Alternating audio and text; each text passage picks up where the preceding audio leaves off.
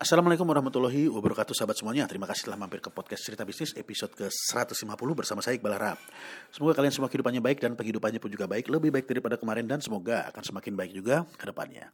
Dan seperti biasa kawan-kawan di podcast ini kita akan membahas tentang banyak hal ya Terutama mengenai bisnis, manajerial dan keuangan. Yang akan saya bahas dari sudut pandang saya pribadi Dari pengalaman saya pribadi dan dari cerita saya pribadi Sebagai seorang pelaku bisnis dan pelaku investasi sejak tahun 2006 harapannya nih ya supaya untuk teman-teman pendengar yang mungkin ada keinginan untuk menjadi pengusaha atau bagi teman-teman yang sudah menjadi pengusaha atau juga bagi teman-teman dengan profesi yang lainnya barangkali aja kalian bisa mendapatkan insight yang berbeda. Jadi bagi teman-teman yang sudah mendengarkan uh, podcast cerita bisnis kali ini dan mungkin ada yang kurang jelas, ada perkataan saya yang kurang jelas, ada yang ingin ditanyakan, ada yang ingin didiskusikan, langsung aja kontak ke nomor WhatsApp yang saya cantumkan di deskripsi di podcast ini supaya kita bisa diskusi lebih lanjut. Oke gitu ya. Sekarang kita langsung masuk ke sesi cerbis kali ini teman-teman. Jadi kawan-kawan semuanya ya, hidup ini sawang sinawang.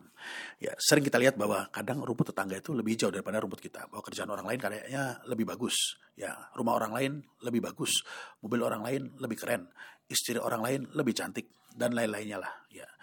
Dan demikian juga dengan sebaliknya teman-teman. Ya, orang lain melihat kehidupan kita itu kayaknya lebih enak daripada hidup mereka. Dan di cerita bisnis kali ini saya akan berbagi mengenai pengalaman saya dan kehidupan saya sebagai seorang pengusaha. Karena sepertinya masih banyak nih orang yang mengira bahwa menjadi seorang pengusaha itu hidupnya enak-enak aja, lempeng-lempeng aja, nggak ada susahnya. Ya, padahal sebenarnya ya nggak juga. Karena setiap pilihan selalu punya konsekuensi. Ya, berbeda dengan kehidupan uh, sebagai karyawan, menurut saya kehidupan sebagai pengusaha ini cukup berat. Saya ingat dulu ya, awal saya memiliki usaha. Jadi saya punya toko mainan. Kebetulan saya dari dulu, saya dari kecil saya suka koleksi mainan, terutama mainan-mainan yang ikonik. Jadi robot-robotan, uh, kayak tokoh uh, karakter kartun, diecast dan lain-lain. Kalau ada yang bagus dan ikonik, saya beli dan saya pajang. Dan saya juga masih punya nih mainan-mainan uh, ikonik zaman dulu ya, kayak robot Voltes zaman dulu yang versi Godaikin yang dari besi, yang terpisah bisa dipisah jadi lima pesawat yang bisa digabung jadi satu robot gitu ya, terbuat dari besi bahannya. Dulu saya ingat dibeliin sama ayah saya harganya lima puluh ribu rupiah. Terus selain Voltus juga saya punya robot-robotan lain seperti Google, terus Sigma, Pet Labor, Gordion, Macross dan lain-lain. Bahkan sampai saat ini pun juga saya masih sering beli robot-robotan kayak gitu, terutama robot anime Jepang ya. Meski uh, lebih sering belinya harus sembunyi-sembunyi dari istri dan ujung-ujungnya memang ketahuan juga gitu loh. Dan uh, oke okay, uh, eh, kembali ke cerita saya membuka toko mainan.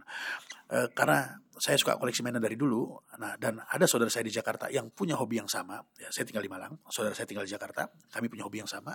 Nah si saudara ini ngajakin uh, saya untuk buka toko bareng. Jadi uh, kita buka toko mainan bareng. Dia buka di Jakarta saya buka di Malang dan saya ingat ya, saya punya modal 10 juta. Oke deh, uh, saya buka toko mainan koleksi di Malang. Jadi saya punya uh, ruangan kosong di rumah saya, saya buat sebagai toko mainan saya gitu loh. Jadi saya punya 10 juta, saya modal itu modal awal saya untuk membeli mainan dari Jakarta dan saya jual di Malang. Nah, pertama kali punya uh, bisnis itu uh, perasaannya tuh uh, apa ya? Bangga lah bangganya setinggi langit. Wah, gue pengusaha nih. Wah, gue punya bisnis sendiri nih. Wah, pokoknya saya punya cita-cita gede banget lah gitulah. Tinggi banget cita-citanya. Pokoknya perasaan uh, pertama kali mendirikan bisnis itu adalah salah satu perasaan yang menurut saya paling berkesan dalam kehidupan saya. Pokoknya keren. Gue jadi pengusaha. Dan lanjut, salah satu perasaan yang menjadikan di kehidupan saya adalah ya hari keduanya. Ya, ketika bisnis saya berjalan dan berlanjut ke hari-hari berikutnya selama beberapa bulan ke depan jadi toko sepi gak ada pengunjung yang datang. Ya meskipun brosur tuh sudah kita sebar ke mana-mana nih. Sudah kita sebar ke perumahan sudah kita sebar ke pertokoan ke mall. Brosur juga kita sudah sebar di lampu merah di perapatan lampu merah ya. Sudah ke mana-mana lah. Nah jangankan ada orang yang datang yang SMS pun gak ada. Dulu zamannya SMS ya yang SMS gak ada yang telepon gak ada gitu loh. Dan apa ya hati ini rasa seperti dibanting gitu loh. Jadi udah di, tinggi diangkat tinggi ya jadi pengusaha udah seneng banget gitu ya terus langsung kebanting karena ternyata jadi pengusaha itu nggak gampang orang nggak serta merta langsung merespon usaha kita. Jadi orang nggak langsung serta merta membeli produk kita. Dan ini membuat apa ya? Membuat ya tadi down tadi. Di situ baru muncul komentar-komentar dari beberapa orang teman terdekat saya. Ya nggak deket-deket banget lah ya. Karena teman-teman terdekat saya kenal saya. Ini mungkin dari teman-teman yang lainnya. Jadi komentar-komentarnya kurang lebih kayak gini. Itu sih buka bisnis sendiri. Emangnya gampang. Terus ada lagi komentar kayak gini, dibilangin mending lamar kerja aja, lebih enak gitu loh daripada kamu buka bisnis sendiri, susah dan lain sebagainya. Jadi saya ngerasa bahwa saya ini berjalan seorang diri, ya, nggak ada teman untuk berbagi. Karena kebanyakan teman saya adalah karyawan, mereka jadi karyawan. Jadi saya rasa saya percuma juga gitu loh kalau saya berkeluh kesah cerita kepada mereka. Karena pertama, mereka tidak berada di posisi saya, jadi mereka juga nggak ngerti apa yang saya alami. Kedua, karena mereka nggak ngerti, maka besar kemungkinan juga mereka nggak punya solusi. Jadi ngapain juga saya cerita kepada orang yang nggak punya solusi. Gitu. Dan alhamdulillah uh, kedua orang tua saya, ayah ibu saya itu mendukung tentang apa saja yang saya lakukan selama hal itu positif. Jadi ayah saya tidak pernah uh, mengomentari tentang apa-apa yang saya kerjakan. Yang penting positif, jalan. Dan uh, waktu berjalan ya hingga akhirnya saya menemukan pasar yang tepat untuk memasarkan mainan saya. Dulu belum ada Facebook, belum ada Tokopedia, belum ada Shopee, dan masih belum ada tempat untuk memasarkan produk secara online. Komunikasinya paling SMS, terus uh, ada juga Yahoo Messenger, dulu masih ada Yahoo Messenger ya. Tapi eh, dulu ada yang namanya Kaskus, sudah ada namanya Kaskus, dan uh, akhirnya saya buka lapak di sana, buka toko di sana secara online di Kaskus, dan alhamdulillah terjadi banyak penjualan di Kaskus. Bahkan bisa saya katakan bahwa 93% penjualan dari mainan saya itu terjadi di Kaskus secara online. Nah, proses nih, proses menemukan bagaimana caranya agar uh, mainan saya bisa terjual dengan cepat dan banyak, nah itu adalah proses yang tidak menyenangkan dan tidak gampang. Kenapa? Karena ya kita punya toko mainan baru nih, ter, terbilang baru lah ya. Dan saya banyak konsultasi, banyak bertanya sama toko-toko mainan yang lain yang sudah buka lebih dulu. Dan uh, banyak toko mainan yang saya tanyakan itu tidak mau membuka rahasia mereka, bagaimana caranya mereka memasarkan mainan mereka. Mereka tertutup. Ya, banyak penjual mainan yang tidak mau terbuka tentang bagaimana mereka menjual mainan mereka mungkin saat ini ya informasi tentang menjual secara online bisa didapatkan dengan mudah. Tapi dulu informasi seperti itu sangat terbatas sekali ya. Dan akhirnya setelah uh, saya melakukan uh, banyak hal ya proses berproses untuk menemukan orang yang mau terbuka dan memang ada orang yang mau terbuka mau berbagi kepada saya tentang bagaimana caranya memasarkan mainan mereka secara online uh, baru akhirnya saya bisa menjual mainan saya sendiri karena udah tahu caranya dan alhamdulillah bisa menjual satu menjual dua dan semakin lama semakin banyak hingga ketika ya suatu saat bisnis mainan saya ini sudah berjalan dengan baik, penjualan saya sudah bagus, uh, profit saya bisa 5 juta, 10 juta sebulan, zaman dulu ya. Dan akhirnya baru ada beberapa orang teman yang bisa mengapresiasi tentang apa yang saya lakukan. Oh enak ya, jadi pebisnis ternyata kayak gini. Ya kayak gitulah biasanya. Orang-orang tuh tidak tahu prosesnya, taunya output. Jadi apa ya, saya katakan ada jalan yang harus saya lalui seorang diri di awal saya memulai bisnis. Dan perjalanan tadi itu nggak gampang, nggak ringan. Ya, seperti saya bilang tadi, banyak orang melihat kesuksesan seseorang itu hanya dari outputnya saja, dari hasil. Kebanyakan orang nggak mau melihat proses, cuek bebek dengan proses yang harus dilalui. Dan untuk saya sendiri nih ya, sudah banyak kegagalan yang saya jalani, saya dapati. Ya, seperti misalnya sumpah sama tim kerja yang nggak beres, jengkel sama proyek yang gagal, terus sebel dengan penjualan yang nggak meningkat, dan lain-lain. Jadi saya sudah menghadapi semua itu, sudah mengalami semua itu, saya sudah kenyang lah makan semua itu. Tapi menurut saya ya, kalau misalnya muka kita ya, kita muka kita ditabuk berkali-kali. Kalau misalnya pertama kali kena tabukan, memang terasa paling pedes lah. Ya, sudah uh, pedes, sakit di fisik, sakit di hati juga. Tapi setelah berkali-kali kena tabuk, ya lama-lama juga mungkin kerasa normal. Mungkin loh ya, saya nggak pernah kena tabuk berkali-kali sih ya. Tapi ya kayaknya karena udah terbiasa, bisa jadi nggak terlalu sakit lagi. Ya pastinya masih terasa sakit lah ya. Tapi rasanya pasti tidak sesakit rasa pertama kali saat kena tabuk. Dan uh, saya sudah melalui fase ini sampai-sampai saya bisa bilang bahwa saya ini kebal gagal. Kebal gagal ini bukan berarti gak mungkin gagal ya, tapi saya menyikapi gagal dengan biasa. Gagal gak sampai depresi. Gagal ya biasa aja, santai aja gitu loh.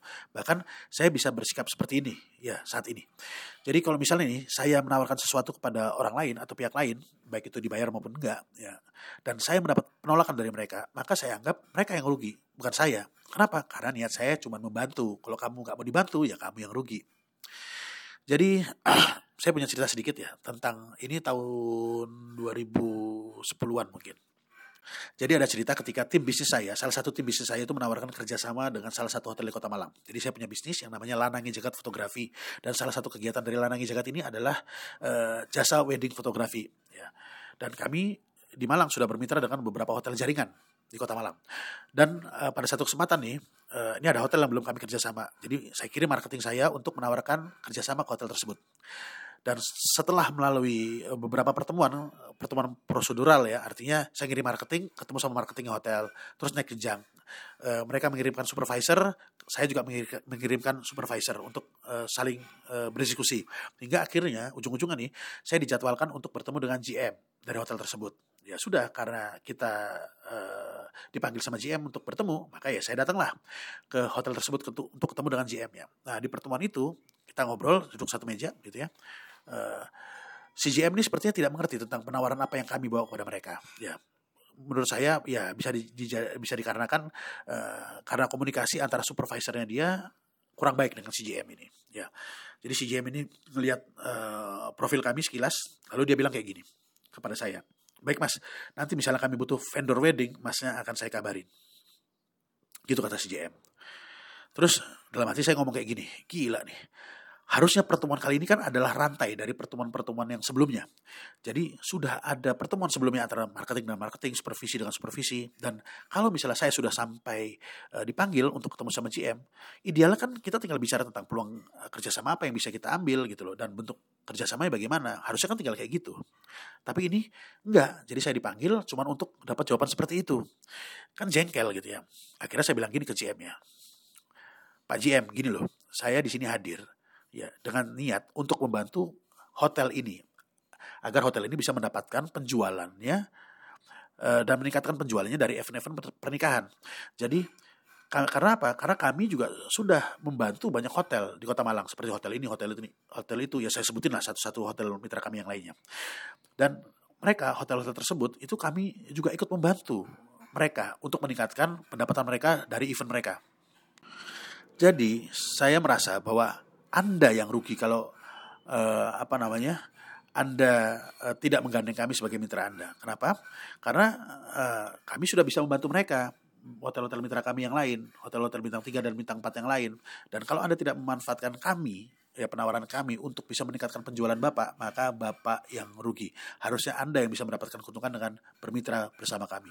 Kalau cuma kami cuma sekedar mencari keuntungan, Pak, ngapain juga gitu loh. Kami sudah mendapat banyak dari hotel-hotel yang lainnya. Jadi saya ngomong gitu aja, cuek, loss gitu loh.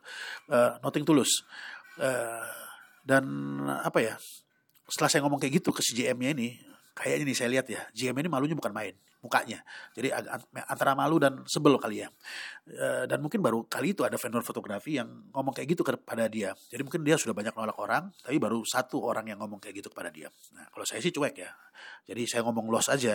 Kenapa? Lah karena udah ditolak di awal gitu loh. Jadi ngapain lagi saya harus uh, uh, banyak uh, banyak apa banyak polemik di situ enggak udah kalau bisa ditolak ya udah saya ngomong apa yang mengeluarkan isi hati saya saya cabut dan sebelum saya berdiri pergi uh, si JM ini kayaknya lebih melunak ya. Jadi dari uh, nada bicaranya dia mulai ngomong dan dari nada bicaranya itu kedengaran agak enakan.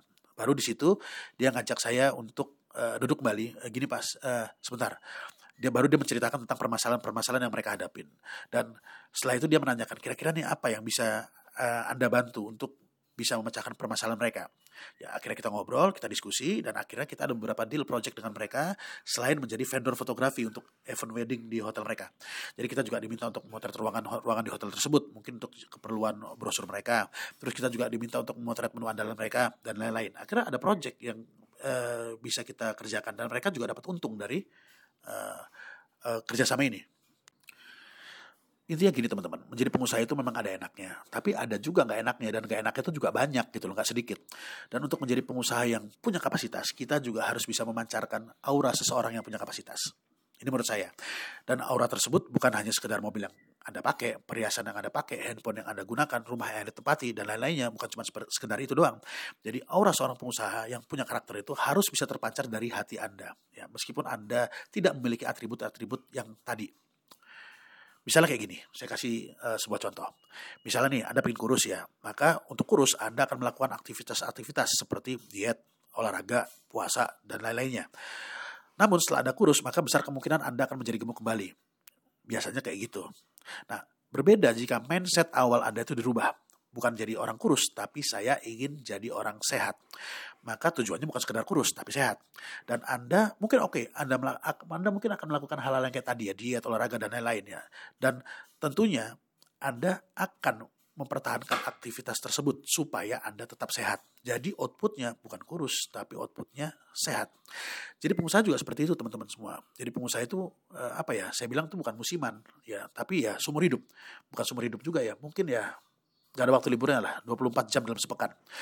Jadi jadi pengusaha itu bukan cuma sekedar di kantor aja, terus pulang, terus santai-santai, nggak kayak gitu. Ya, kalau memang anda ingin menjadi pengusaha yang berkarakter, ya, maka Anda harus bersikap layaknya sebagai seorang pengusaha dalam setiap aspek kehidupan Anda dalam 24 jam dalam seminggu.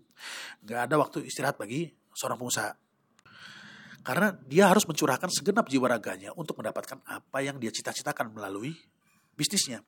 Jadi ketika orang lain tidur, pengusaha itu masih harus memikirkan apa yang harus dikerjakan besok, gimana caranya dia harus meningkatkan penjualan ke depannya supaya karyawannya bisa mendapat bonus dan lain-lain. Kenapa? Karena mereka tahu bahwa mereka punya tanggung jawab. Ya, para pengusaha itu punya tanggung jawab ya terhadap mereka sendiri, terhadap tuan mereka, terhadap keluarga mereka, terhadap karyawan mereka, terhadap mitra kerja mereka dan lain-lainnya. Ya. Dan saya tahu bahwa ada banyak orang yang memilih untuk menjadi pengusaha karena mereka ingin mendapatkan kemerdekaan. Mereka ingin punya freedom bahasa kerennya. Gitu ya. Mereka ingin memiliki lebih banyak waktu luang daripada orang kebanyakan. Tapi mereka cenderung lupa teman-teman bahwa kemerdekaan itu memiliki hubungan yang erat dengan tanggung jawab. Dengan tanggung jawab ya. mereka ingin punya banyak waktu luang. Mereka ingin banyak e, melakukan hal ini itu dengan bebas, tapi mereka melupakan tanggung jawab mereka. Mereka melupakan bahwa kemerdekaan itu bisa didapatkan setelah mereka melakukan apa yang menjadi tanggung jawab mereka. Jadi bisa dikatakan bahwa sebetulnya menurut saya, ya pengusaha itu nggak punya waktu libur, nggak ada jam dinasnya. Beda sama e, misalnya seorang polisi lalu lintas gitu ya. Polisi lalu lintas, dia menjadi polisi pada waktu jam dinasnya dia. Ya begitu dia pulang, dia nggak bisa lagi nilai apa kok nilai nilang orang sembarangan. Jadi karena pada saat itu ya memang bukan jam dinasnya dia, maka ya sudah dia stop jadi polantas pada jam dinasnya dia. Tapi jadi pengusaha nggak kayak gitu. Ya, jadi pengusaha itu nggak ada jam dinasnya. Setiap saat itu dia harus mencitrakan diri dia sebagai seorang pengusaha, baik itu di rumah, di kantor, di tempat mertua, pada saat liburan. Dia tetap harus sadar bahwa dirinya adalah seorang pengusaha dan dia punya kewajiban yang harus dilakukan sebagai seorang pengusaha. Ya, jadi dia harus bersikap layaknya seorang pengusaha. Gak ada waktu liburnya, gak ada jam liburnya. Ya, semuanya adalah jam kerja bagi seorang pengusaha. Itu menurut saya. Nah, setelah dengar cerita saya ini, gimana bagi teman-teman semuanya? Masih ingin jadi pengusaha? Meskipun nggak gampang? Ya mungkin teman-teman bisa jawab sendiri ya. Oke mungkin demikian tentang cerbis singkat episode kali ini kawan-kawan. Mungkin kalau misalnya ada kata-kata saya yang kurang jelas, saya minta maaf. Kalau misalnya ada kata-kata saya yang mungkin babaliut, ya wajar. Saya akui saya bukan pembicara yang baik ya. Karena saya kadang juga ngomong terlalu cepat. Karena apa yang ada di otak saya sama apa yang ada di mulut saya ini kadang-kadang nggak sinkron. Jadi otak saya mikir apa, mulut saya keluar apa. Ya, gitulah. Sehingga kalau misalnya ada kata-kata saya yang kurang jelas dan mungkin ada yang ingin didiskusikan, langsung aja kontak ke nomor WhatsApp yang saya cantumkan di deskripsi di bawah ini supaya kita bisa diskusi lebih lanjut. Itu teman-teman ya, semoga bermanfaat buat kalian semua teman-teman mendengar, terutama buat saya pribadi sebagai pengingat diri. Saya cabut dulu, sampai jumpa di episode cerbis berikutnya. Assalamualaikum warahmatullahi wabarakatuh.